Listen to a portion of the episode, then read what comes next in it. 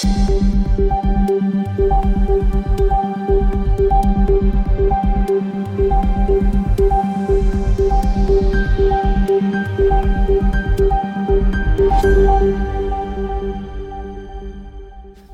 tilbake til Krimnytt, en podkast for deg som ønsker å følge med på aktuelle true crime-saker. Vi anbefaler å trykke på abonner-knappen, sånn at du ikke går glipp av noen episoder.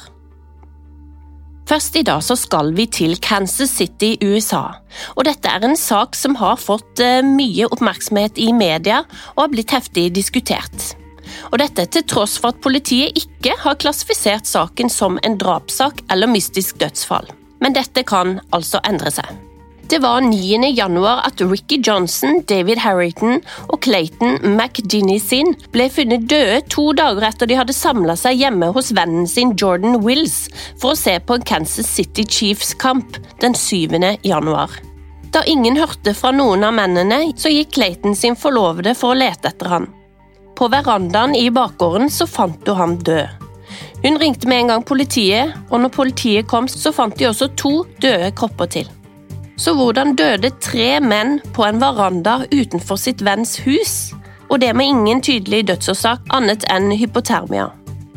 John Pierce og Wills advokat fortalte People i en uttalelse at klienten hans ikke var klar over hvordan vennene hans døde, og han venter spent på resultatene fra obduksjonen og toksologirapportene. Ifølge vennen, som skal være en vitenskapsmann, hadde mennene sett på kamp sammen. Han sier så at han gikk og la seg, mens de andre ble sittende i huset og feste videre. Han hadde så sovet i 48 timer og merka ikke at folk hadde ringt han og prøvde å kontakte han på telefonen. Han merka heller ikke at vennene lå døde på utsiden av huset sitt. Så hva får en voksen mann til å sove i 48 timer? Temperaturen var rundt frysepunktet på tidspunktet som mennene skal ha avslutta festen. Senere ble det kaldere. Så kan de ha kommet seg ut og frossa i hjel før de kom seg inn i en av bilene som sto parkert i oppkjørselen. Jordan Wills, som hadde festen, sa først at vennene forlot huset rundt klokka to om natta, og gikk så for å legge seg på sofaen.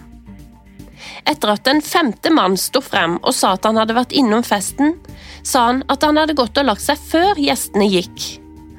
Han la seg altså og sov i 48 timer. Mannen som var innom festen, sa at da han gikk i tolvtida, så satt alle fire og så på Jeopardy. Da politiet dukka opp på døra hans 9. januar, så ble John Wills funnet i undertøyet med et glass vin i handa. Han ble først satt i håndjern og frakta til politistasjonen, for å så bli sluppet ut igjen. Ifølge familien hans så har Wills nå lagt seg selv inn på rehab og satt tingene sine på lager. Han mener tydelig at han har et avhengighetsproblem, og han sier også at han ikke fikk med seg at det lå tre døde menn like utenfor vinduet hans. Dette har familie og venner vanskelig for å godta. Om mennene bare var fulle og gikk ut samtidig, ville det vært merkelig om alle falt om på likt. Og at alle led av hypotermi uten at de gikk inn i huset eller i bilen. Døra til huset var låst, så det stemmer heller ikke med at Wills lå og sov. Politiet har nå gått ut med en midlertidig toksologirapport, ifølge Fox News. Kilden rapporterte at toksologirapporten viser at det var flere stoffer i kroppene deres.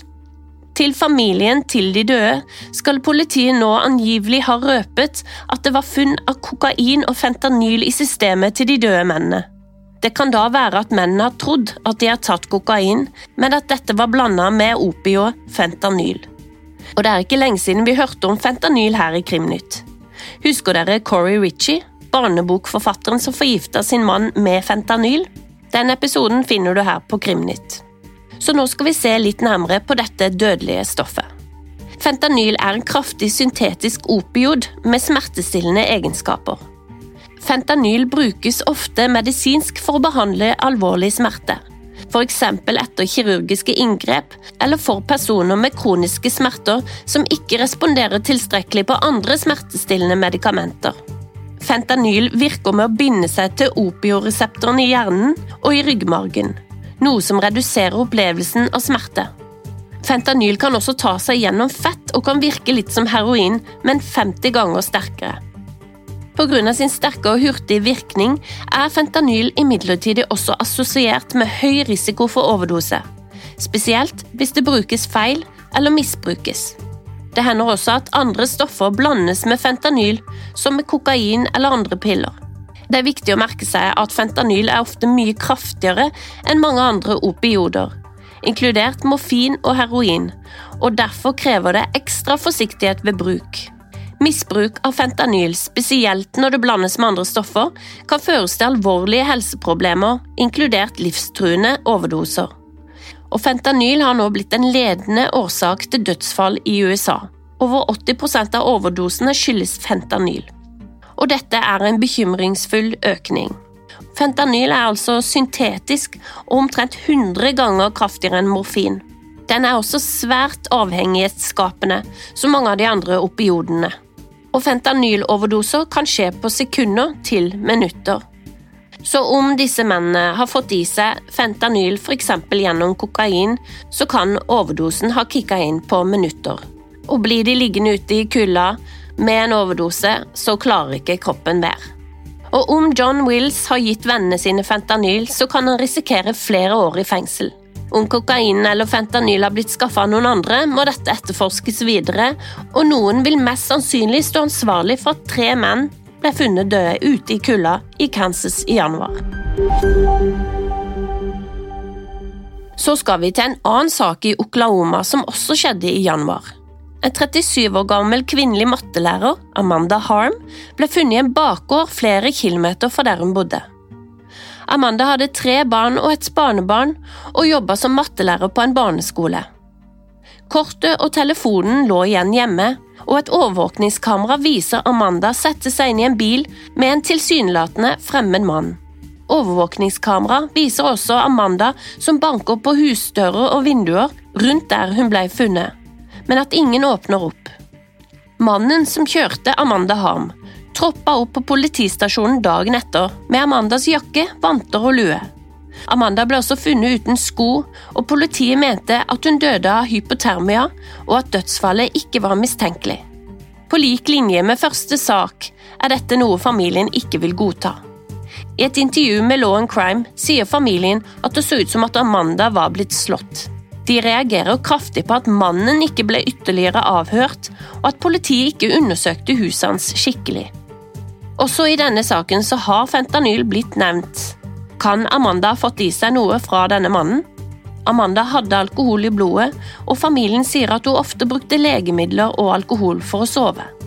Spørsmålet er hvorfor hun forlot huset som hun var i, prøvde å komme seg inn til noen andre, og siden politiet fant klesfiber på et gjerde rett ved der hun ble funnet, kan det se ut som at Amanda har prøvd å klatre over dette gjerdet. Vi håper at politiet starter å etterforske denne saken. Til slutt i dag. Det har nå vært en dom i Brianna Gay-saken. 16 år gamle Brianna, som var transkjønna, ble stukket ned 28 ganger på høylys dag etter å ha blitt lokka til Clutchen Linnern Park i Warrington, ikke langt fra London. Dette var ettermiddagen 11. februar i 2023. Brianna, som ble mobba mye på skolen og identifiserte seg som en jente, hadde bygga seg opp på sosiale medier der hun delte fra livet sitt. Hun ble beskrevet som ei jente med stor personlighet som spredde mye glede rundt seg til sine over 31 000 følgere på TikTok. Det Brianna ikke visste da hun gikk ut for å møte en venn 11. februar, var at denne vennen hadde sammen med en gutt planlagt å drepe henne. Hvorfor? Det ble sagt at gutten var imot transkjønna personer, og jenta hadde en fascinasjon på Brianna og også et ønske om å drepe. Begge var 15 år da de lurte den 16 år gamle Brianna i en park for å så knivstykke henne på høylys dag.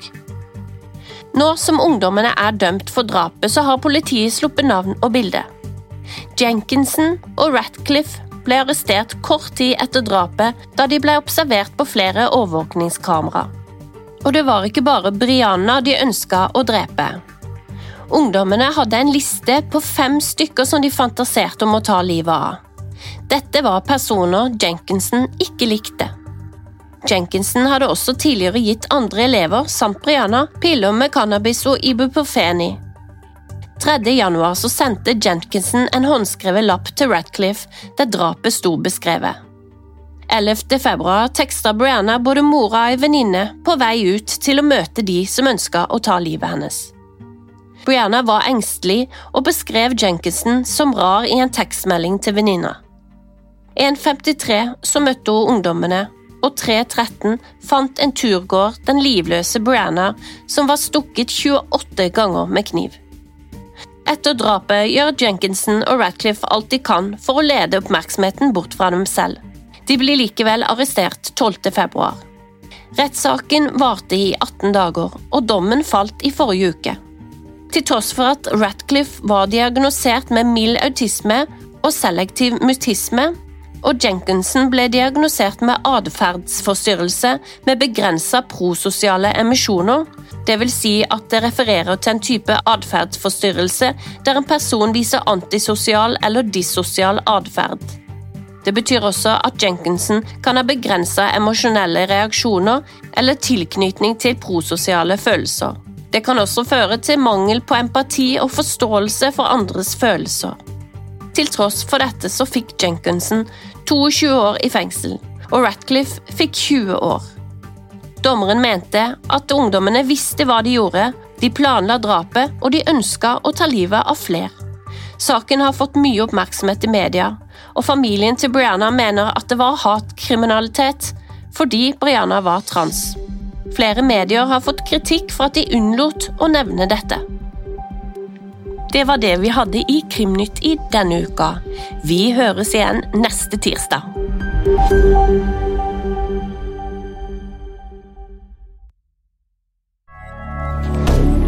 Moderne media. Har du et enkeltpersonforetak eller en liten bedrift?